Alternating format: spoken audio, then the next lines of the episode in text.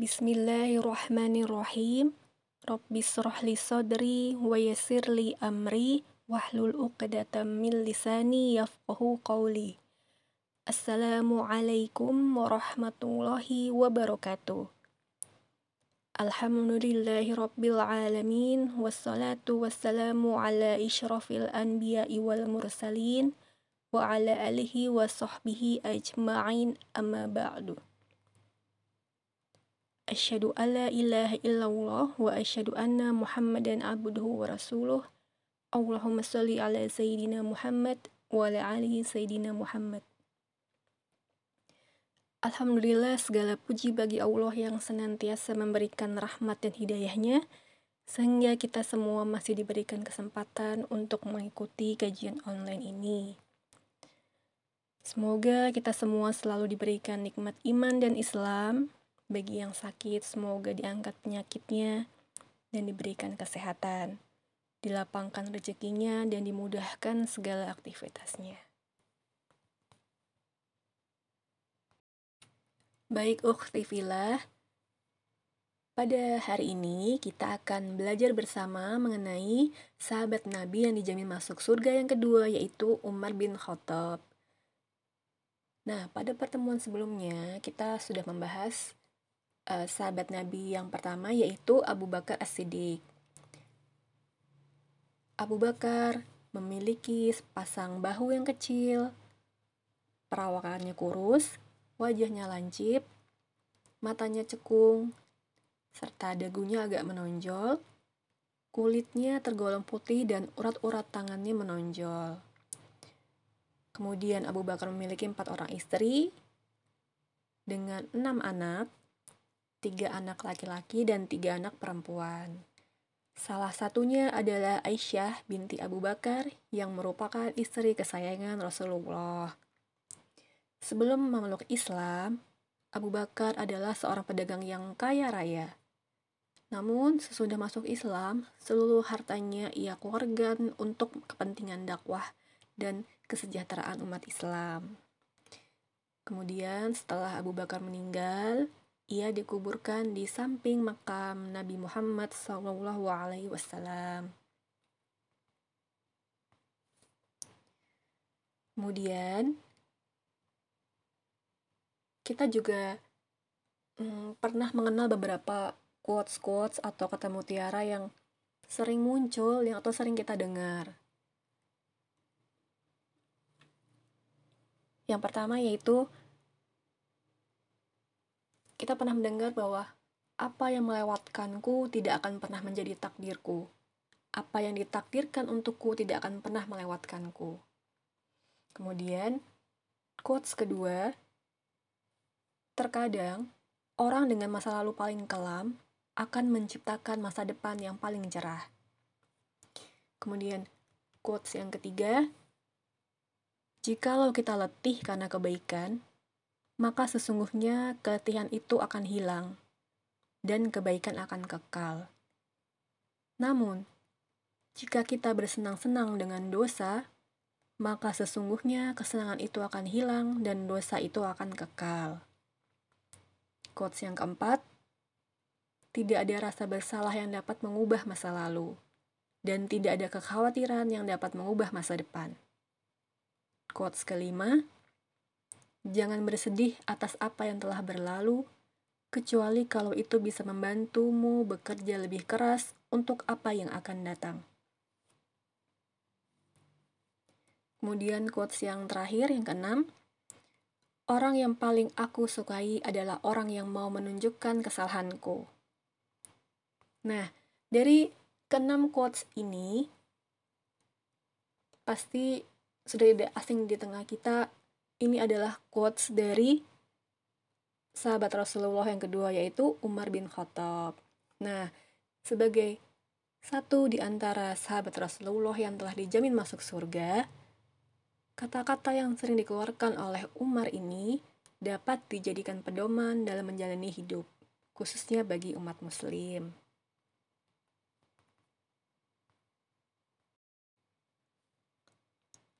Umar dilahirkan di kota Mekah empat tahun sebelum kelahiran Nabi Muhammad. berasal dari suku Bani Adi, salah satu rumpun suku Quraisy, suku terbesar di kota Mekah saat itu, dan salah satu suku yang terpandang mulia. Nama lengkapnya adalah Umar bin Khattab bin Nufail keturunan Abdul Uzza al-Quraisy dan berasal dari keluarga kelas menengah. Ayahnya bernama Khattab bin Nufail dan ibunya bernama Hantamah binti Hashim. Hubungannya dengan Nabi Muhammad 1. Salah satu sahabat terdekat yang dicintai Nabi Muhammad 2.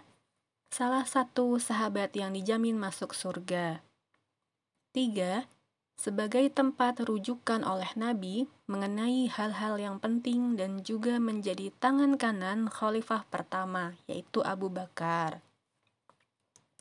Hal ini karena Umar dapat memecahkan masalah yang rumit tentang siapa yang berhak menggantikan Rasulullah dalam memimpin umat setelah wafatnya Rasulullah. Lalu ia membaiatnya, sehingga ia mendapat penghormatan yang tinggi dan juga dimintai nasihatnya serta menjadi tangan kanan khalifah yang baru itu. 4. Pelindung utama Nabi Muhammad. Tidak mengherankan karena memang secara fisik perawakannya memang tegap dan kuat. 5. Mertua Nabi Muhammad. Umar adalah ayah dari salah satu istri Nabi Muhammad yaitu Hafsah binti Umar bin Khattab. Lalu, Umar dikenal sebagai apa? 1. Khalifah kedua umat Islam pengganti Abu Bakar As-Siddiq. 2. Khulafaur Rashidin kedua setelah Abu Bakar As-Siddiq, yaitu satu di antara empat orang khalifah yang digolongkan sebagai khalifah yang diberi petunjuk. 3. Salah satu penasehat Abu Bakar saat menjabat sebagai khalifah.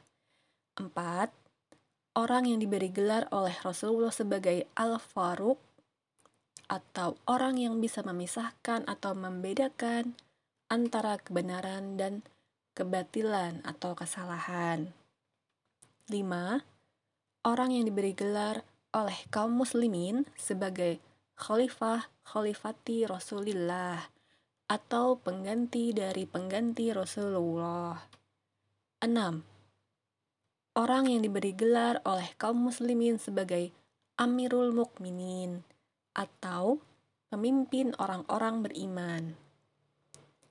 Sehubungan dengan penaklukan yang berlangsung pada masa pemerintahannya. Hal ini dilakukan oleh kaum muslimin karena dinilai gelar Khalifah Khalifati Rasulullah terlalu panjang dan lebih pantas sebagai Amirul Mukminin dan Umar juga lebih suka disebut sebagai Amirul Mukminin daripada khalifah.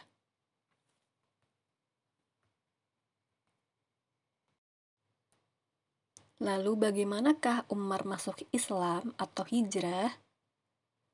Nah, pada awal sebelum masuk Islam, Umar menjadi penentang Islam yang sangat keras. Pada awal Islam hadir di Mekah, Umar sempat berniat untuk membunuh Nabi Muhammad.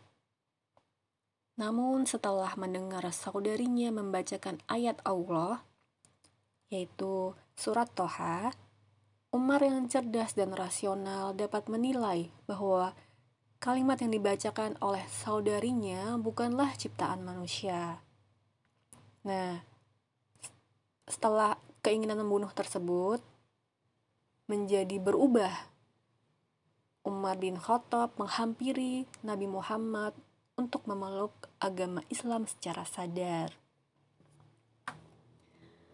Umar lalu mengumumkan keislamannya kepada pemuka Quraisy saat itu juga, yang di mana pada saat itu dakwah Islam masih sangat dilakukan secara sembunyi-sembunyi.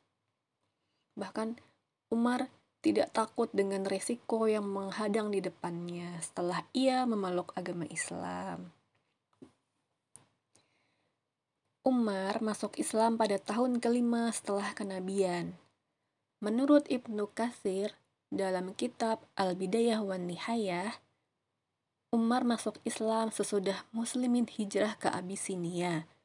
Dan jumlah orang hijrah itu hampir mencapai 90 orang laki-laki dan perempuan. Nah, setelah memeluk agama Islam, dia menjadi pembela Islam di barisan terdepan. Umar menjadi orang yang paling berani dan tidak segan mengangkat pedang untuk membela kebenaran ajaran Islam. Umar juga menjadi orang yang paling berani memberikan gagasan dan kritik kepada Rasulullah. Karena hal tersebut, maka Nabi Muhammad memberikannya gelar Al-Faruq atau orang yang bisa memisahkan antara kebenaran dan kebatilan.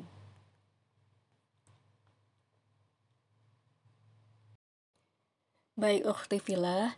Jadi, dulu itu Sebelum Umar masuk Islam, perkembangan Islam di Mekah atau dakwah Islam di Mekah dilakukan oleh Nabi Muhammad secara sembunyi-sembunyi karena memang terjadi perlawanan dari pihak Quraisy kepada orang-orang yang memeluk agama Islam. Mereka disiksa, bahkan sampai ada yang meninggal karena memeluk Islam. Namun, begitu Umar masuk Islam,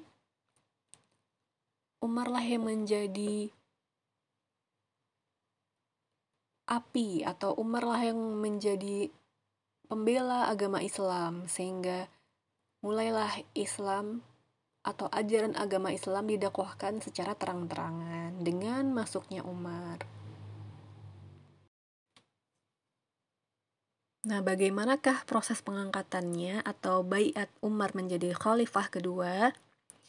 Jadi, pada saat itu, Abu Bakar menunjuk langsung Umar bin Khattab sebagai penggantinya dengan mempertimbangkan situasi politik yang ada.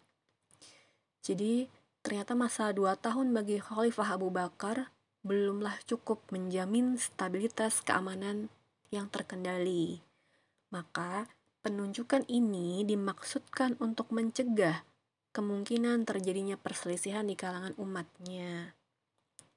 Abu Bakar khawatir kalau pengangkatan melalui proses pemilihan seperti pada masanya akan memperkeruh situasi politik. Selain itu, agar pelaksanaan pembangunan dan pengembangan Islam tidak akan terhambat. Sebelum meninggal, Abu Bakar As-Siddiq bertanya kepada para sahabatnya tentang penunjukan Umar bin Khattab sebagai penggantinya. Beliau menanyakan hal ini kepada Abdurrahman bin Auf, Utsman bin Affan, Asid bin Hudair al-Ansori, Sa'id bin Zaid, serta sahabat-sahabatnya dari kaum muhajiri dan ansor. Pada umumnya mereka setuju dengan Abu Bakar dan kemudian disetujui oleh kaum muslim dengan serempak. Ketika Abu Bakar sakit, beliau memanggil Utsman bin Affan untuk menulis wasiat yang berisi tentang penunjukan Umar bin Khattab sebagai penggantinya. Tujuannya agar ketika sepeninggalan beliau, tidak ada kemungkinan perselisihan di kalangan umat Islam untuk masalah khalifah. Keputusan Abu Bakar tersebut diterima oleh umat Islam, sehingga mereka secara beramai-ramai membaiat Umar sebagai khalifah. Dengan demikian, keputusan tersebut bukan keputusan Abu Bakar sendiri, namun persetujuan seluruh umat Muslim. Umar dijadikan khalifah kedua Islam atas wasiat Abu Bakar sebelum wafat untuk melanjutkan tugas dalam membangun penyebaran Islam hingga berkembang pesat ke berbagai belahan negara.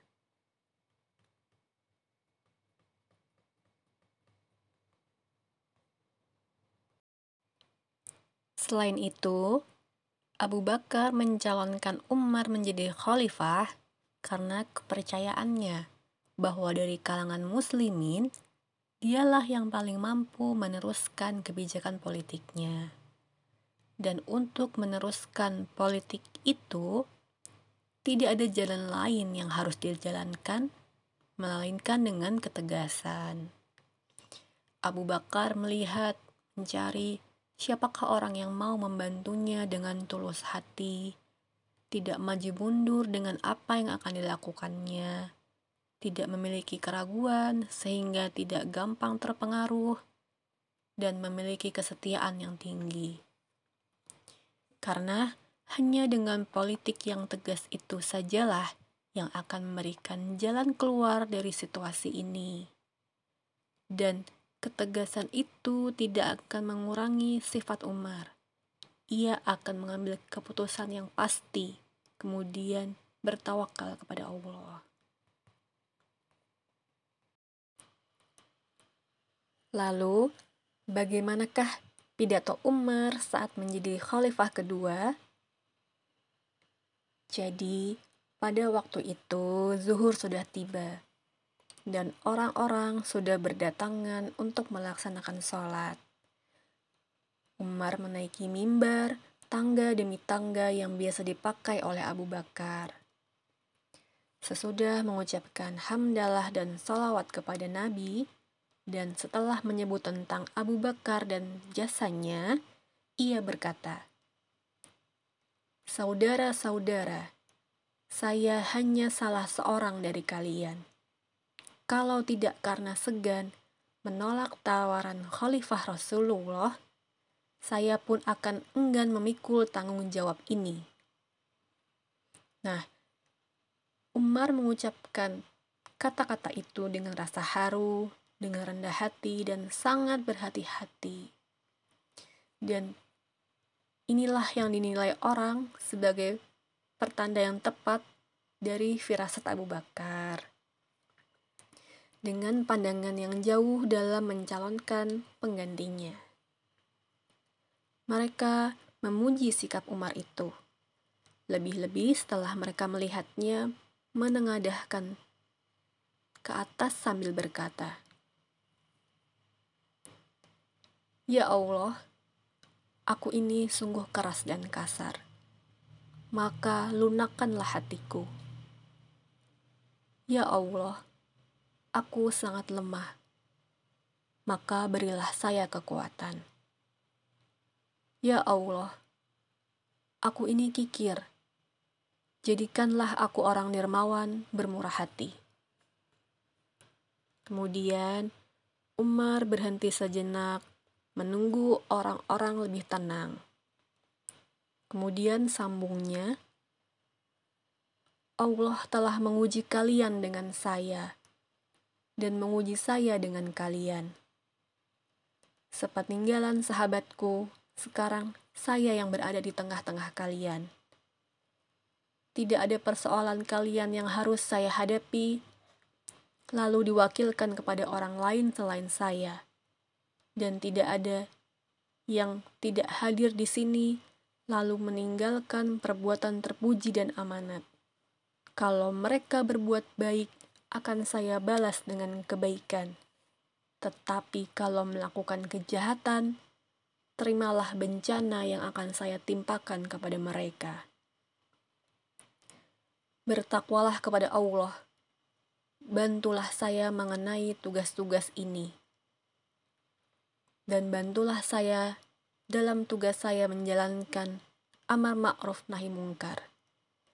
Dan bekalilah saya dengan nasihat-nasihat kalian sehubungan dengan tugas yang dipercayakan Allah kepada saya demi kepentingan kalian semua. Demikianlah apa yang sudah saya sampaikan. Semoga Allah mengampuni kita semua. Maka, Selesai berpidato, Umar turun dari mimbar lalu mengimami sholat.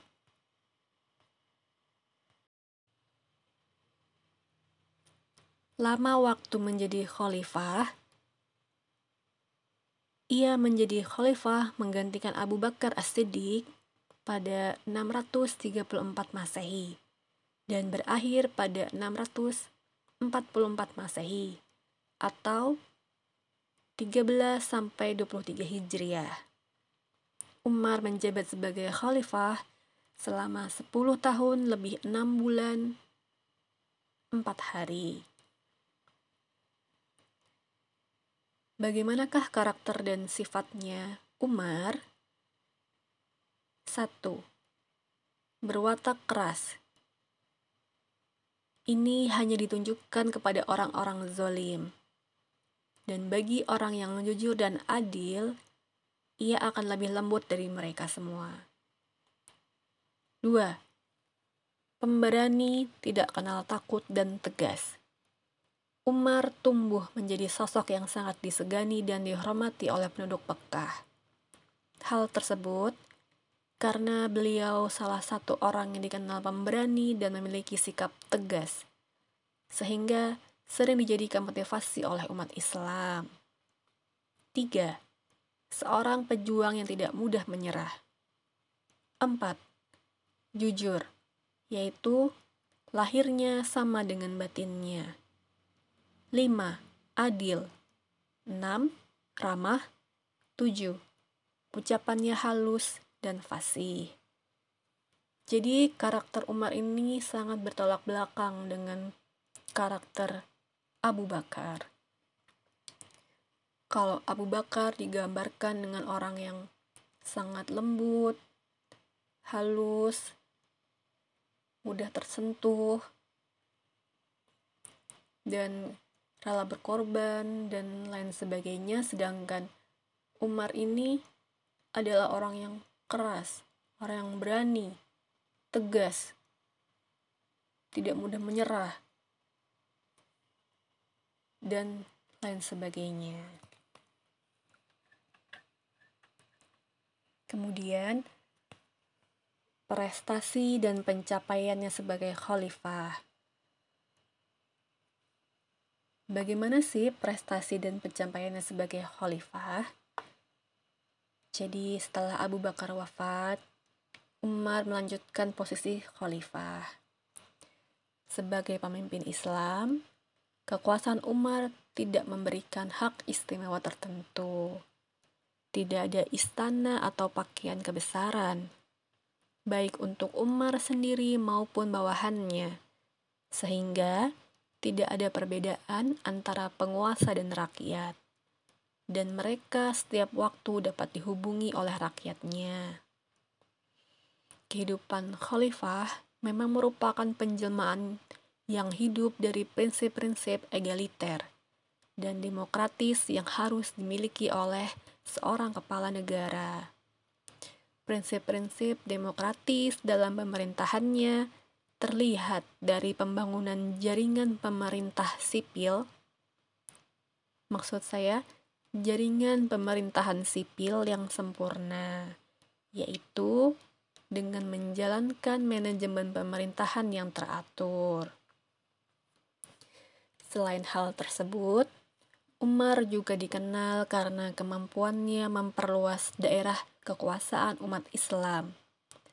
Dan lebih dari itu, Pokok-pokok pikiran Umar di bidang keilmuan pun memberikan sumbangsih yang sangat besar dalam perkembangan hukum Islam. Umar bin Khattab juga dikenal selalu totalitas dalam menjalankan perannya, membuat berbagai sistem baru untuk pembangunan masyarakat Islam dan kesejahteraan rakyatnya. Bahkan ketika wabah melanda, Umar rela tidak makan dan mendahulukan rakyatnya untuk makan.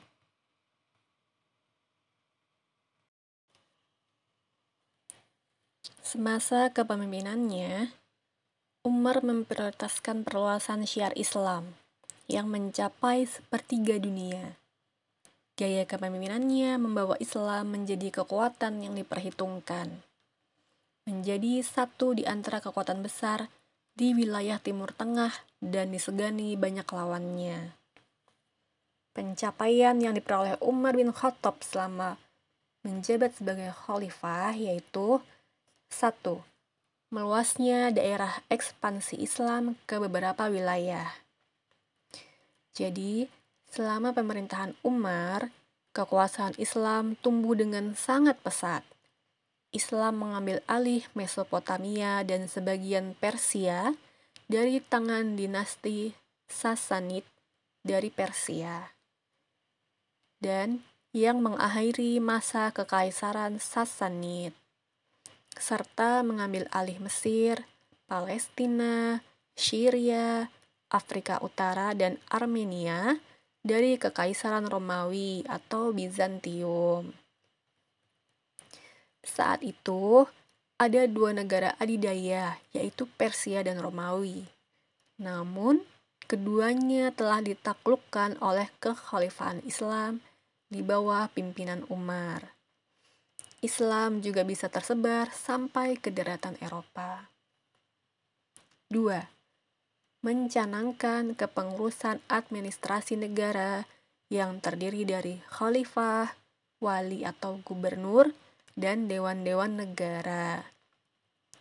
Nah, Umar bin Khattab menerapkan sistem administrasi pemerintahan yang diadopsi dari Persia.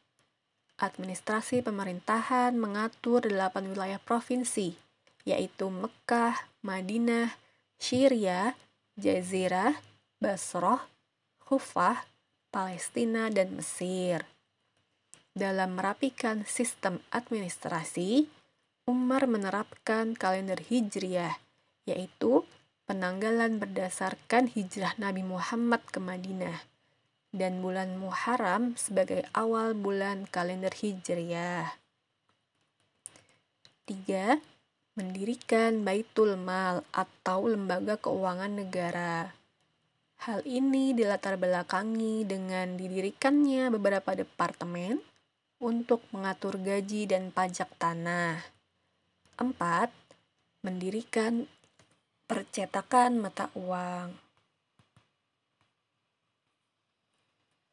Nah, kemudian Khalifah Umar wafat tiga hari setelah pendikaman atas dirinya, yaitu 1 Muharram 23 Hijriah atau 644 Masehi. Kematiannya sangat tragis. Seorang budak bangsa Persia bersama Fairuz atau Abu Luluah secara tiba-tiba menyerang dengan tikaman pisau tajam ke arah khalifah yang akan mendirikan salat subuh yang telah ditunggu oleh jamaahnya di Masjid Nabawi pada pagi buta. Khalifah terluka parah. Dari pembaringannya, ia mengangkat syuro atau komisi pemilihan yang akan memilih penerus tongkat kekhalifahan. Nah, sebagai Amirul Mukminin, sebagai pemimpin dan kepala pemerintahan, dengan prestasi yang telah dicapainya, memang terasa unik jika mengetahui langkah demi langkah perjalanan hidupnya, dan itu sungguh mengesankan. Umar bin Khattab sebagai khalifah tidak sekedar kepala negara atau kepala pemerintahan. Namun lebih dari itu, beliau sebagai sang pemimpin umat. Nah, demikian kisah para sahabat Nabi ini dijamin masuk surga. Sungguh, perjuangan para sahabat sangat besar hingga mendapat jaminan menjadi penghuni surga. Kita sebagai umat muslim saat ini Semoga dapat meneladani amal kebaikan yang dilakukan oleh para sahabat sebagai referensi kita atau jalan rujukan kita menuju surga. Baik, ukhti filah, semoga kita bisa mengambil ibroh dari kisah Umar bin Khattab ini dan semoga menjadikan kita penuh keberkahan, mendapatkan keridhaan Allah untuk sampai ke surganya. Baik, demikian materi pada hari ini. Saya kembalikan ke moderator. Wassalamualaikum warahmatullahi wabarakatuh.